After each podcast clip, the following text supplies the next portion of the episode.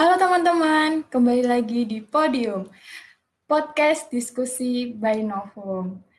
Buat teman-teman yang kali ini lagi nyantai-nyantai sambil dengerin Podium, yang nyantainya kayak di pantai, Pertama-tama kenalin dulu, aku Aldis Rismarin Arasid yang kali ini mendatangkan dua bintang tamu di luar dari Novum nih kali ini. Jadi ada dua bintang tamuku, dua cowok yang tentunya cakep-cakep nih. Jadi langsung aja aku mau ngenalin uh, bintang tamuku kali ini yaitu ada Mas Reza Fadil. Halo Mas Reza. Oke, bisa uh, kenalin dulu Mas uh, nama panjangnya siapa, terus uh, Mas Reza sekarang kesibukannya apa aja nih? Oke, uh, jadi salam kenal ya teman-teman. Nama aku Muhammad Reza Fadil Pratama, biasanya aku dipanggil Reza. Aku saat ini aktif berkecimpung di dua unit kegiatan mahasiswa, yakni kelompok studi dan penelitian KSP Principium. Di sana aku bertindak sebagai staf divisi penelitian dan satu lagi di komunitas debat Fakultas Hukum Universitas 11 Maret. Uh, di sana aku bertindak sebagai staf divisi uh, koordinasi pelatihan dan kompetisi teman-teman. Jadi di, di dua di dua unit kegiatan mahasiswa itulah aku aktif berkecimpung dalam dunia kampus gitu. Iya nih. Oke, okay. oh ya ini Mas Reza uh, anu ya angkatan 2019 ya. Iya benar-benar. Aku angkatan 2019. Hmm. Ya, jadi Mas Reza ini adalah katingku di Fakultas Hukum UNS. Nah, sekarang kita beralih aja ke pembicara kita yang kedua, uh, tamu kita yang kedua, yaitu ada temanku, teman seperjuanganku, teman apa ya bisa dibilang teman seperjuangan uh, karena waktu tes perguruan tinggi dan waktu semester 1 dan 2 ini kita masih diliputi oleh uh, pandemi COVID-19. Jadi bisa dibilang kita mahasiswa uh, corona nih. Ya kan? Halo Syahril. Halo, halo, halo Aldis. Oke, bisa perkenalan dulu nih buat sama sahabat-sahabat podium. Iya, terima kasih Aldis. Uh, Makasih juga udah diundang. Namaku Muhammad Syarahil Mutinur Effendi, dipanggilnya biasanya Syarahil. Sekarang lagi aktif di Kementerian Analisis Strategis BEM UNS. Oh, aku tahu sering tahu sih kayak Syahril ini kayak nge-share nge-share uh, webinar-webinar gitu. Jadi anak diskusi banget lah ini ya sibuknya. nah, tadi setelah kita perkenalan sama dua bintang tamu pada episode kita kali ini, sekarang kita langsung aja nih membahas topik apa yang mau kita bahas di diskusi kali ini. Jadi, di episode kali ini eh, kita mau membahas yang baru aja berulang tahun pada 1 Juni kemarin, yaitu Pancasila. Jadi, kemarin Pancasila udah berulang tahun, ke-76. Nah, eh, ngomong-ngomong soal ulang tahunnya Pancasila, jadi uh, kalau dulu kita waktu ulang tahunnya Pancasila kan ngerayainnya waktu SD, SMP, SMA kita ngerayainnya lewat upacara bersama di lapangan panas-panas ya kan terus habis itu uh, menyuarakan uh, melantang melantunkan Pancasila dengan dipimpin oleh pembina upacara. Bahkan di dalam kelas pun waktu kita SD, SMP, SMA, kita masih menerima materi Pancasila di pelajaran uh, pendidikan kewarganegaraan. Bahkan sampai kita masuk ke perguruan tinggi nih, kita masih ketemu dengan pendidikan Pancasila. Jadi ini kan menandakan bahwa Pancasila ini penting banget buat Eh, generasi-generasi uh, muda Indonesia ini apa sih itu Pancasila, apa sih nilai-nilai Pancasila seperti itu. Nah, buat Mas Reza sendiri, uh, buat, buat Mas Reza, buat Mas Syahril sendiri, sebagai generasi milenial, makna Pancasila sendiri tuh bagi kalian tuh apa sih? Uh, aku ke Mas Reza dulu deh, gimana pendapatnya Mas Reza makna Pancasila sendiri? Hmm. Ah, oke oke. Jadi pertanyaannya gimana makna Pancasila buat milenial gitu ya? Uh, sebenarnya mungkin kita juga tadi benar yang sempat disampaikan Aldi juga maksudnya dari dulu tuh kita kayak udah di inget-ingetin terus soal Pancasila, terus kita ya mulai dari upacara lah, atau pelajaran di sekolah lewat PPKN dan semacamnya itu udah cukup mengingatkan juga tentang Pancasila gitu kan. Tapi uh, satu hal yang lebih penting juga, aku tuh inget ada satu perkataan dari guru aku dulu lah. Itu kayak dia bilang sebenarnya yang harus kalian ingat itu adalah Pancasila itu bukan sebuah simbol atau apa ya ucapan hingar-bingar yang cuma berulang-ulang tiap minggu kalian ucapkan di lapangan ini gitu. Tapi gimana kalian menerapkannya itu dalam kehidupan kalian sendiri gimana kalian jadi orang yang uh, ya dengan lima nilai Pancasila itu sendiri gitu kan penerapannya dalam kehidupan diri kalian itu yang jauh lebih penting daripada sekedar simbol atau yang kita omongkan semata gitu loh. Jadi dari situ aku kayak mikir ya berarti Pancasila itu ya sebagai sebuah apa ya kayak nilai atau hal yang harus yang menjadi pedoman lah buat kita tuh bertindak melakukan sesuatu gitu loh di kehidupan kita sendiri. Gitu sih kalau buat. Oke. Okay.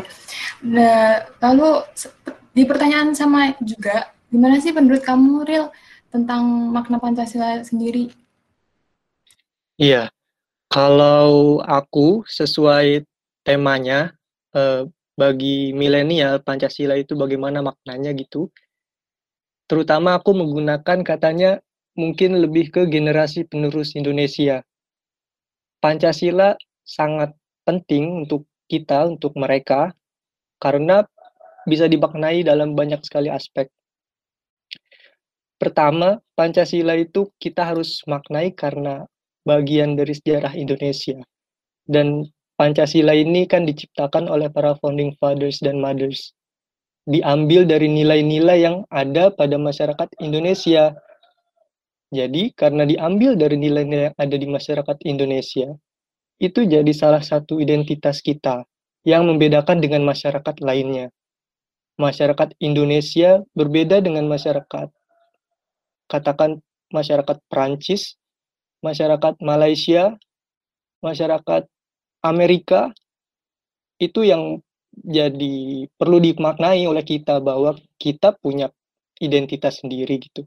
Selain itu juga dengan adanya Pancasila ini bisa mempersatukan Indonesia yang sangat luas sekali gitu.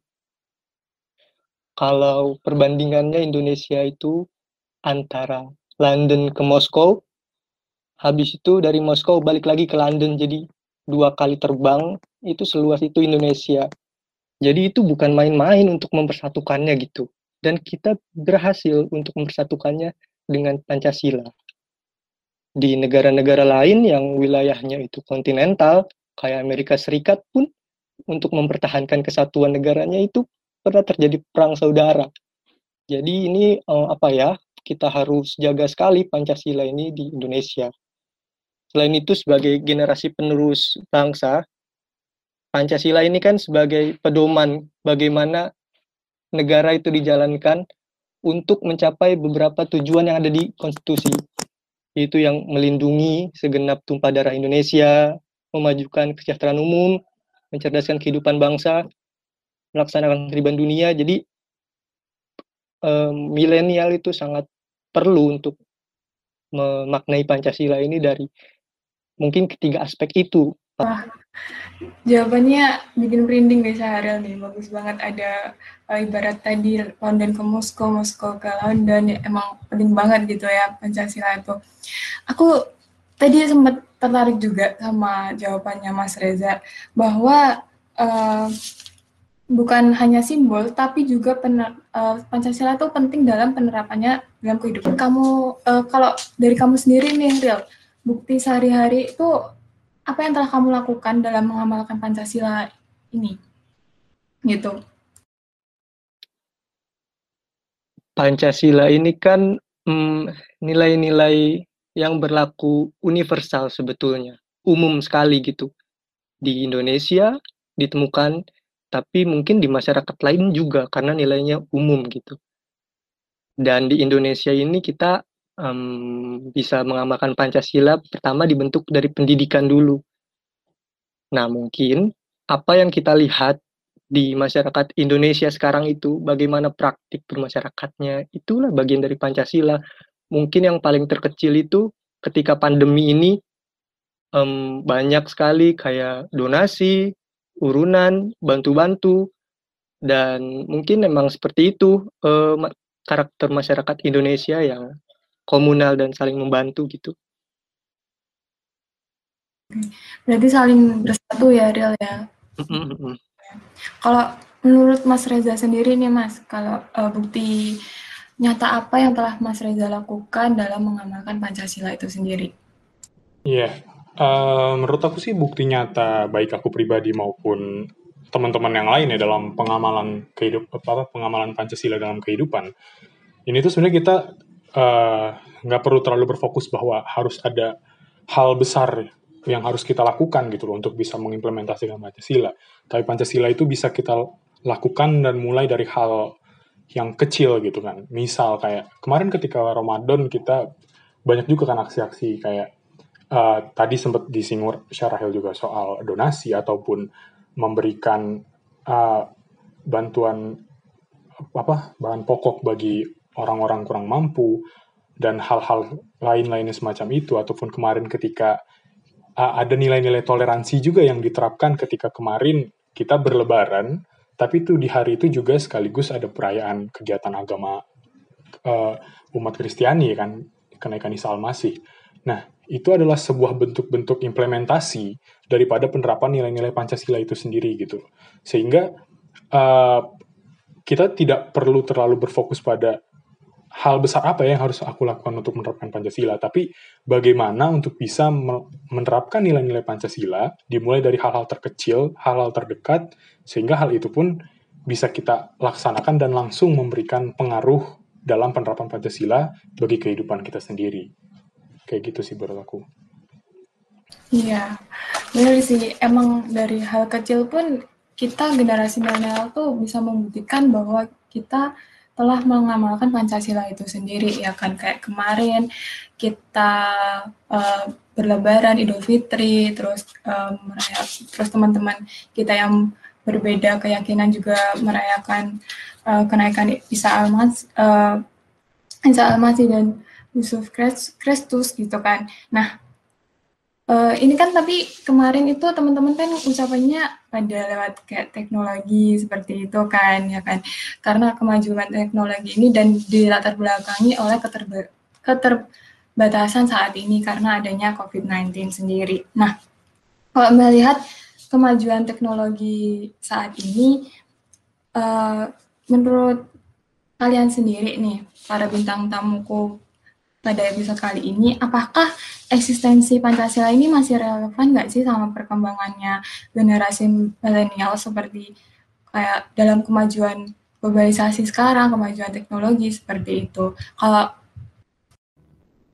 uh, oke, okay. jadi kalau menurut aku sendiri ya, apakah istilah Pancasila itu masih relevan dengan perkembangan sekarang, ya apalagi di tengah kemajuan teknologi, globalisasi dan semacamnya uh, buat aku sendiri, aku sebenarnya tertarik dengan aku tuh pernah dengar Bung Karno tuh ketika dia mengemukakan pandangannya soal Pancasila waktu uh, rapat para perumus ini kan apa, kebi, apa dasar negara.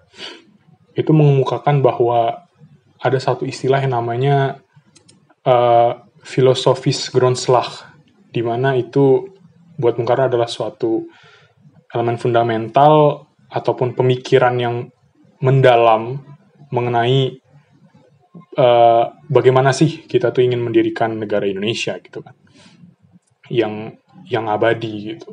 Nah dari hal itu aku kayak memandang bahwa artinya uh, Pancasila yang dikemukakan oleh Bung Karno ini adalah sebagai suatu nilai-nilai yang udah apa ya yang udah digali sedalam-dalamnya dari daripada nilai-nilai yang dianut oleh masyarakat Indonesia ini sendiri dan dijadikan sebagai suatu dasar fundamental bahwa untuk berdirinya negara ini kita berangkat dari nilai-nilai ini gitu.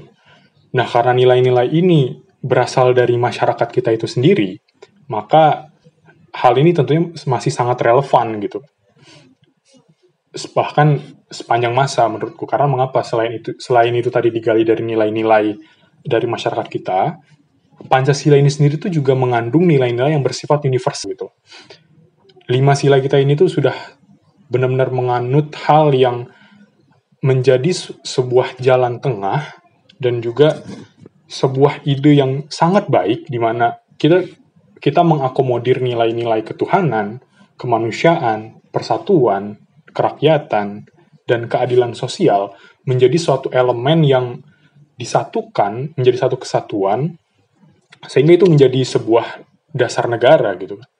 Nah, makanya menurutku ketika ditanya apakah Pancasila ini masih relevan dengan perkembangan kita sekarang, masih kita masih Pancasila masih sangat relevan dengan perkembangan uh, globalisasi dan kemajuan teknologi ini sendiri.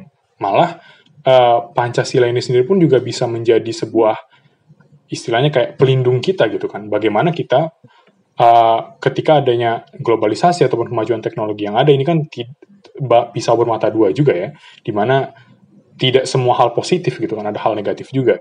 Nah, bagaimana kita bisa memfilter atau menangkal hal-hal negatif tadi dengan Pancasila ini tadi yang sudah mengandung nilai-nilai yang sangat mendasar bagi kehidupan masyarakat Indonesia gitu kan. Makanya menurut aku Pancasila ini masih sangat relevan sih dengan perkembangan uh, di tengah globalisasi dan kemajuan teknologi yang kita rasakan saat ini. Gitu Aldis. Wah, jawabannya bikin merinding nih Mas Reza nih ya, bikin uh, kayak merasa bangga banget gitu loh, karena kita udah menerapkan Pancasila itu dalam kehidupan kita gitu kan. Nah, dari jawabannya Mas Reza tadi bahwa um, memang benar bahwa nilai-nilai Pancasila ini berasal dari kebiasaan masyarakat Indonesia itu sendiri seperti itu kan. Makanya ini bersifat uh, universal dan masih dan ke depannya pun masih uh, masih eksistensi gitu loh buat anak-anak milenials walaupun di tengah perkembangan teknologi saat ini. Nah, buat Syarahil sendiri, ini kamu setuju nggak sih sama pendapatnya Mas Reza sendiri ini? Gimana nih? Iya, iya. Aku setuju banget, setuju banget. Setuju banget, betul. Kalau aku mau bilang, justru di masa sekarang Pancasila lebih relevan. Karena apa? Karena peluang kita bersinggungan sama bangsa lain atau masyarakat lain di level internasional itu semakin luas, semakin tinggi. Dengan kenyataan seperti itu, artinya nanti akan ada persinggungan budaya, persinggungan lain-lain hal banyak gitu ya. Dan dari situ bagaimana kita bisa bertahan uh, dengan seluruh persinggungan penetrasi antar budaya itu. Kayak misalnya sekarang itu ada Korean Wave di seluruh dunia itu mm, marak sekali budaya-budaya Korea terjadi diplomasi budaya gitu ya. Benar. Dan di situ pentingnya dan lebih relevannya Pancasila sekarang. Karena selain itu juga seperti tadi yang aku bilang penciptaan identitas nasional juga. Kita tidak mungkin kalau tidak ada Pancasila kalau tidak ada Pancasila kita pasti ya di antara bangsa-bangsa lain seperti apa kita gitu identitasnya. Dan di situ jadi lebih relevan. Selain itu juga seperti tadi Mas Reza bilang nilai-nilainya luhur, berlaku universal. Jadi menurutku ter nggak terikat dari waktu dan ruang sebetulnya Pancasila itu bisa diterapkan. Apakah dulu awal dibentuk ataukah nanti 100 tahun ke depan teknologi sudah sangat maju dan sebagainya dan sebagainya tapi manusianya tetap harus religius, harus berperi kemanusiaan dan nasionalisme menjaga keutuhan integrasi nasional, masyarakatnya demokratis, dan cita-cita akhirnya itu menciptakan keadilan sosial gitu. Menurutku itu pasti sangat relevan sampai kapan pun. Ya, wah, jawabannya Syaril juga bikin merinding ini ya sebenarnya jawaban-jawaban orang pintar semua Mas Reza dan Syaril sendiri ini aku tertarik tadi kayaknya Syahrahil ini tuh masih relevan karena malah relevan karena sekarang banyaknya uh, bersinggungan di dalam masyarakat itu sendiri. Kalau kita lihat dalam uh, contoh nyatanya aja ya kan, kalau sekarang kita banyak banget lihat berita tentang mengenai intoleransi, radikalisme, bahkan di awal tahun kemarin aja kita tahu bahwa adanya uh, terorisme yang dilakukan oleh generasi milenial sendiri gitu. Kok dia kok gak menerapkan Pancasila banget sih ya, kok dia nggak menerapkan nilai semua nilai-nilai Pancasila seperti itu kan. Nah, menurut uh, kalian sendiri nih, apakah Pancasila itu uh, sebenarnya tuh dapat nggak sih bertahan sama generasi milenial yang katanya tuh generasi barbar kayak gitu ya kan? Gimana nih Real kalau menurut kamu? Kalau kalau menurutku ya dari pengaruh-pengaruh kayak intoleransi dan sebagainya, terus pengaruh-pengaruh negatif globalisasi gitu, apakah milenial itu masih bisa dan Pancasila masih relevan gitu? menurutku pada dasarnya orang-orang Indonesia ini kan dibentuk melalui pendidikan. Pertama melalui pendidikan. Dari pendidikan ini yang berlangsung dari awal sampai dia selesai berpendidikan tinggi gitu. Nilai-nilai Pancasila dikembangkan di dirinya gitu. Jadi sebetulnya seharusnya kalau misalnya hmm, orang itu selesai pendidikannya di Indonesia indikator terakhirnya itu dia Pancasila dan dia bisa mengamalkan Pancasila. Selain itu juga eh, semua negara pasti mau men mengamalkan nilai-nilai negaranya itu melalui proses pendidikan gitu. Kalau yang terakhir ini hmm, program Menteri Pendidikan dan sekarang yang sudah dilebur dengan Ristek menciptakan pelajar Pancasila.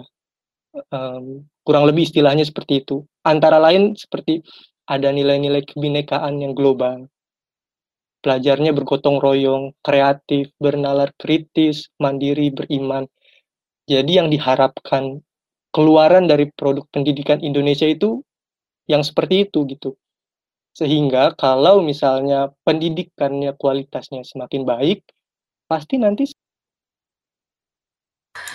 Iya, ya. Pendidikan itu emang adalah suatu yang nomor satu pokoknya, apalagi dengan menjalankan nilai-nilai Pancasila dengan diiringi nilai seperti itu pasti membentuk generasi yang selalu mengutamakan tingkah laku yang positif, berpikir juga yang selalu mengutamakan uh, positif gitu hal yang positif. Nah, kalau menurut Mas Reza sendiri ini uh, apakah generasi milenials itu dapat bertahan dengan Pancasila dengan adanya intoleransi tadi dan reda, radikalisme tadi. Gimana Mas menurutnya Mas Reza? Ya, uh, buat aku ya ketika ditanya apakah milenial bisa bertahan dengan Pancasila, aku cukup menjawab dengan dua kata sebenarnya. Ya mengapa tidak gitu kan? Mengapa tidak gitu? Karena kenapa? Karena bukan apa-apa. Pancasila itu kan mengandung nilai yang tadi sempat aku sudah sebutkan juga kan kayak nilai ketuhanan, kemanusiaan, persatuan dan kesatuan, demokrasi kerakyatan, keadilan sosial. Maka ya justru hal-hal tadi, intoleransi, radikalisme, globalisasi negatif, ini kan adalah sebuah wujud bahwa nilai-nilai yang tidak sesuai dengan Pancasila gitu kan. Intoleransi radikalisme terjadi ketika seseorang tidak mengamalkan nilai-nilai ketuhanan dan nilai-nilai kemanusiaannya dengan baik gitu kan. Globalisasi negatif yang ini juga lagi-lagi dapat juga menyinggung aspek kemanusiaan seseorang, persatuan kesatuan bangsa. Nah, makanya artinya hal-hal ini kan justru dengan adanya Pancasila ini dapat menjadi uh, pelindung atau filter bagi para milenial sendiri gitu kan untuk ketika ada hal-hal semacam intoleransi, radikalisme, kita ingat bahwa, oh ya, ada nilai-nilai kemanusiaan yang diajarkan oleh Pancasila, ada nilai-nilai ketuhanan, ada nilai-nilai keadilan sosial, ada nilai-nilai persatuan kesatuan, ada nilai-nilai demokrasi kerakyatan, dan semacamnya. Nah, hal-hal inilah yang, makanya tadi sempat aku bilang juga kan, yang terpenting adalah dari Pancasila ini juga yang harus kita uh, bersama-sama pahami gitu kan, bahwa Pancasila ini bukan simbol, bukan sekedar simbol. Yang yang penting adalah bagaimana kita menginternalisasi dan mengimplementasi nilai-nilai Pancasila ini sendiri sehingga itu bisa menjadi uh, pendoman, landasan bagi kita tuh untuk untuk bertindak sesuatu gitu.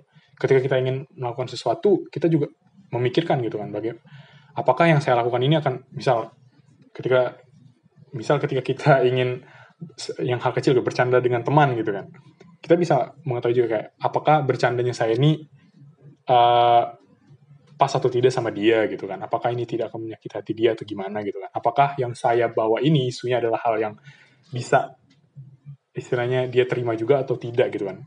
Artinya kita memperhatikan nilai-nilai kemanusiaan seseorang. Apakah ini akan menyinggung aspek-aspek kayak sara atau tidak gitu kan. Artinya kita menyinggung kita memperhatikan setiap tindak uh, kegiatan perbuatan yang kita lakukan itu dengan baik gitu loh. Sehingga kita tidak bertindak semena-mena dan hal-hal buruk lainnya gitu loh makanya tadi dengan adanya intoleransi radikalisme dan hal-hal semacam tadi dengan kita mampu menginternalisasi dan mengimplementasi nilai-nilai Pancasila itu tadi ya justru kita akan dapat bertahan dengan Pancasila itu tadi. Pancasila inilah yang hadir sebagai pelindung dan filter agar kita bisa menghindari perbuatan-perbuatan intoleransi, radikalisme, dan globalisasi negatif tadi, seperti itu. Jadi emang Pancasila itu masih bertahan ya kalau menurutnya Mas Haril sendiri dan Mas Reza sendiri, bahwa memang um, kalangan milenials tuh bisa bertahan kok sama dengan Pancasila walaupun adanya intoleransi, radikalisme dengan dan globalisasi karena yang ya Pancasila itu adalah suatu uh, filter buat kita buat melangkah untuk menentukan jalannya kita tuh mau um, melakukan hal-hal yang baik yang positif dan untuk memajukan bangsa. Itu tuh uh, itu ada suatu pijakan yang baik gitu seperti itu. Tapi kalau melihat uh, ke keseluruhan dalam negeri ini sendiri ya, kayak, kayak kemarin adanya uh, tentang kalangan elit politik nih, yang kemarin uh, dalam pengamalannya, dalam visi misinya itu pasti menanamkan nilai-nilai Pancasila.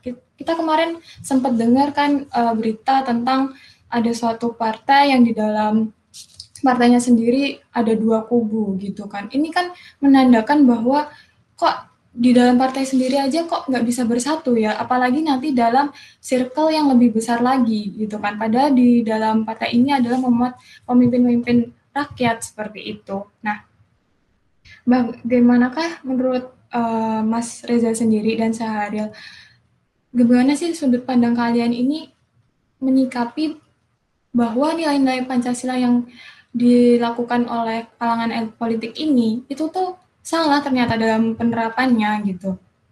Da dalam penerapannya ini ternyata nilai-nilai Pancasila itu cuman sebagai ya sebagai apa ya bisa dibilang kalau ini tuh cuman buat memanfaatkan polarisasi itu sendiri gitu buat uh, sebagai alat politik itu sendiri sebenarnya. Nah, kalau menurut uh, Mas Reza dulu nih, Bagaimana sudut pandang Mas Reza dalam menyikapi salahnya memaknai nilai-nilai Pancasila dalam kondisi seperti ini? Uh, apa tingkah laku para eh, kalangan elit politik kita itu justru memanfaatkan sebuah elemen yang harusnya mempersatukan masyarakat malah menimbulkan perpecahan dan polarisasi gitu kan yang bahkan hingga sekarang masih kita rasakan gitu bahkan hingga sekarang pun terkesan ada suatu pandangan seolah-olah di negara kita ini apakah seseorang itu Pancasilais atau tidak begitu kan? Semacam ada labeling gitu lah kepada uh, setiap orang bahwa wah uh, kalau kamu Pancasilais? Oh kamu tidak? Kamu gini kamu gitu. Orang seolah-olah menjadi hakim bagi orang lain gitu kan. Padahal itu hal yang sangat buruk sekali apabila itu di terjadi gitu kan Nah, makanya jujur saya sangat menyayangkan gitu lah sikap hal-hal semacam itu ketika para kalangan elit politik ini demi memuaskan keinginan kekuasaannya, demi memuaskan nafsu tampuk kursi, ya kursi kekuasaannya, dan apa pun yang dia inginkan gitu. Seolah ia menghalalkan segala cara gitu kan dengan memanfaatkan berbagai hal yang sekiranya tidak penting apakah itu uh, segimanapun yang terpenting adalah dia berhasil mencapai tujuannya gitu. Mencapai tujuannya untuk bisa memenangkan yang ia inginkan meraih kekuasaan yang ia inginkan gitu. Dan setelah itu berpesta-pesta gitu kan. Yang sayangnya juga hal itu akhirnya kan membuat masyarakat kita justru terpecah gitu setelah mereka berhasil memperoleh apa yang mereka inginkan mereka juga hasilnya menang kalah juga tinggal bersalaman gitu. Tapi masyarakat kita masih tetap merasakan polarisasi itu gitu kan dan terus menerus gitu loh. Makanya itu benar-benar sangat aku sayangkan gitu. Apalagi kan artinya kan tindakan tersebut sangat tidak justru sangat tidak sesuai dengan nilai-nilai Pancasila yang mereka kemukakan sendiri gitu loh bagaimana mereka tidak memperhatikan nilai-nilai kemanusiaan dengan tidak memperhatikan nilai-nilai persatuan dengan adanya polarisasi gitu kan. Tidak menciptakan nilai-nilai demokrasi kerakyatan yang baik gitu. Karena negara kita tidak uh, seolah-olah akhirnya yang terjadi kemarin bukan pesta demokrasi tapi sebuah perang demokrasi gitu kan. Di mana orang seolah bertempur dalam tanda kutip uh, di masyarakat kita saling beradu satu sama lain yang padahal yang diperangkan gitu dalam tanda kutip juga apa gitu kan. Semua hanya soal kursi kekuasaan semata gitu. Padahal ya kehidupan kita tidak di tidak hanya untuk kursi kekuasaan itu gitu kan. Kita masih harus jalan ke depan gitu. Nah makanya ini sangat bertentangan sekali tentunya dengan nilai-nilai Pancasila itu sendiri gitu kan kita bisa lihat sekarang dengan polarisasi yang terjadi hingga saat ini pun persatuan dan kesatuan masyarakat itu kan juga sulit akhirnya untuk bisa kembali gitu kan. Artinya ini sudah sudah melunturkan nilai Pancasila sila ketiga gitu. Aspek-aspek lain terkait kemanusiaan di sila kedua juga akhirnya juga uh, berkurang gitu kan. Makanya ini hal yang yang juga bisa menjadi pembelajaran menurut saya buat kita nanti generasi muda bagaimana ketika nanti kawan-kawan ya pokoknya generasi muda kita kita semua ini yang kelak nanti memegang uh, tongkat estafet kepemimpinan negara ini ya memperhatikan lah gitu nilai-nilai etis yang harus dijaga ketika anda ingin atau ketika kita semua ingin mencapai suatu tujuan yang kita inginkan gitu. Jangan sampai kita mengorbankan hal-hal yang sebenarnya esensial bagi masyarakat bagi bangsa, bagi negara hanya demi kepentingan dan keuntungan kita semata gitu. Mungkin gitu dari aku.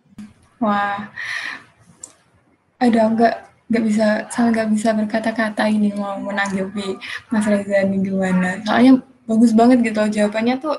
Jadi aku punya pandangan lain gitu se, uh, selain dari aku sendiri gitu yang beranggapan bahwa sekarang ya hampir-hampir sama sih sebenarnya sama Mas Reza kalau menurut aku sendiri pun uh, kalangan politik sekarang itu ya kayak kurang bertanggung jawab gitu sama janji-janji um, mereka. Kayak mereka saya akan mempersatukan bangsa kita akan mem, akan men, apa ya mendamaikan atau bisa melaraskan tentang perbedaan. Tapi ternyata juga itu semua dalam kenyataannya ketika mereka dipilih pun ternyata cuma janji-janji mereka gitu seperti itu.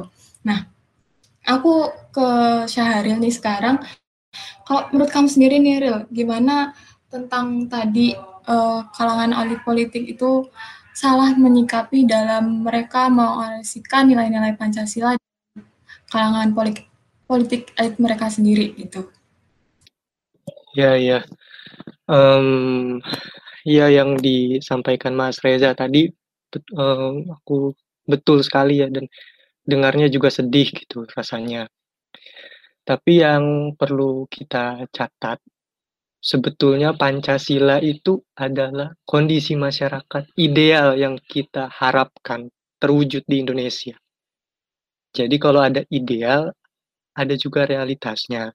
Dan dalam mencapainya itu diperlukan usaha-usaha yang tidak mudah, karena ada gap antara ideal dan realitas itu. Gitu. Jadi, hmm, kalau aku mau mengutip pendapat Bung Hatta juga pernah bilang, pemimpin adalah suri tauladan dalam setiap perbuatannya. Jadi sebetulnya seluruh elit politik di Indonesia, jika dia betul pemimpin, setiap apa yang dia lakukan, setiap perbuatannya itu harusnya mencerminkan suri tauladan. Karena dia memimpin seluruh bangsa Indonesia gitu ya, 270 juta penduduk. Dan kalau mereka hmm, tidak mencerminkan karakter-karakter yang baik, ya gimana gitu ke depannya. Kan mereka yang memimpin gitu. Tapi kita perlu lihat juga bagaimana kita menyikapinya, apa yang bisa kita lakukan gitu sekarang dengan kapasitas kita sebagai mahasiswa kita tekun belajar tekun belajar saja gitu karena bagian kita ini sekarang menerima pendidikan dan dari pendidikan yang kita terima ini kita manfaatkan untuk memberikan manfaat ke masyarakat dan sebagainya gitu. Karena kesempatan-kesempatan yang kita terima ini juga belum semua generasi seangkatan kita juga terima. Karena um, dari total penduduk Indonesia yang sampai ke pendidikan tinggi tingkat 1, S1 gitu, itu masih kurang dari 10%. Artinya sebetulnya kalau kita mau sungguh-sungguh mewujudkan Pancasila dalam kehidupan bernegara dan sebagainya yang diterapkan oleh pengurus negara, balik lagi ke pendidikannya sendiri gitu. 10 kurang dari 10% masyarakat yang S1 di Indonesia. Dan jadi di situ kita bisa lihat bagaimana kita apa yang harus kita lakukan gitu dalam kapasitas kita sekarang. Karena mahasiswa menurutku harus skeptis kritis. Setiap kebijakan pemerintah kita harus pandang skeptis karena kalau tidak skeptis kita nggak temukan celah di mana kesalahannya tapi selain skeptis kita juga harus kritis dan barangkali kita bisa berikan solusi-solusi. Tidak diam saja gitu. Menurutku itu. Ini tadi uh, jawabannya Syahril ini juga jawaban Syahril, Mas Reza juga. Ini tuh uh, memuat kayak suatu harapan juga sebenarnya. Harapannya nanti kayak tadi Mas Reza bilang, ya ini kalau ini suatu penyimpangan dari kalangan elit politik ya ini jadi pandangan buat kita generasi milenial ke depannya ya jangan sampai seperti itu. Kita harus uh, membuktikan bahwa kalangan uh, kita generasi milenial itu kita juga bisa uh, Pancasilais kok dengan dengan gaya kita sendiri gitu. Dan Syahril juga bilang bahwa ini adalah suatu yang harusnya nanti bisa dibenarkan lah buat generasi kita sendiri ya kan teman-teman sama teman-teman kita sendiri. Dan uh, semoga juga uh, yang tadi dibilang sama Syahril adalah ada kata-katanya dari Bung Karno yang bilang uh, pemimpin adalah sorry sauri tauladan gitu. Semoga kita sebagai uh, kalangan generasi milenial membuktikan bahwa kita tuh memang adalah seorang Pancasila uh, pemimpin yang benar-benar bisa diteladani di generasi nanti berikutnya ya kan dan bisa membuktikan bahwa generasi milenial itu emang masih bisa Pancasilais kok dengan cara kita sendiri, dengan uh, bukti-bukti yang kita lakukan sendiri gitu kan. Seperti itu. Wah, perbincangan kali ini tuh emang seru banget sebenarnya menurutku karena Pancasila itu di masih dianggap gimana ya, masih dianggap sederhana, masih kadang ada yang nyepelekan juga kayak uh, mempermudahkan nilai-nilai Pancasila gitu. Dalam tapi dalam kenyataannya penerapannya itu masih masih belum 100% gitu dalam kehidupan nyata seperti itu. Aku uh, makasih banget buat Mas Reza, buat Syahril yang dalam episode kali ini pada hari ini pun juga udah meluangkan waktunya. Kita udah berdiskusi-diskusi ringan. Semoga pendengar-pendengar podium juga bisa merasakan bahwa oh ini loh uh, sesama generasiku ternyata masih bisa kok beranggapan bahwa kita tuh uh, Pancasilais banget dengan gaya kita sendiri gitu. Makasih Mas Reza, makasih. Hmm. Ya, makasih juga Aldis sudah diundang. Semoga bermanfaat. Makasih Mas Reza. Makasih juga Aldis untuk kesempatan yang diberikan. Syarahil. Hmm. Dari apa sih ya? Itu dulu. Jadi pertanyaan tadi, harapan-harapan tadi itu juga adalah penutup diskusi kita pada hari ini. Jangan lupa buat teman-teman pendengar podium mampir juga ke Novum, uh, di webnya novumpers.com atau bisa kalian juga mampir ke Twitter atau IG-nya LPM Novum FHUNS karena di sana ada produk-produk Novum, ada bingkai, ada ledak, pokoknya banyak masih banyak lagi yang harus kalian baca karena di sana memuat berita-berita yang terbaru, berita-berita kampus juga dan di sana juga ada podcast juga. Pokoknya jangan sampai terlewatkan. Dari aku sekian itu sekian dulu. Semoga kita bisa bertemu di episode selanjutnya dengan keadaan yang berbahagia. Tetap jaga kesehatan tetap positif tetap produktif Sampai jumpa di episode selanjutnya. Terima kasih.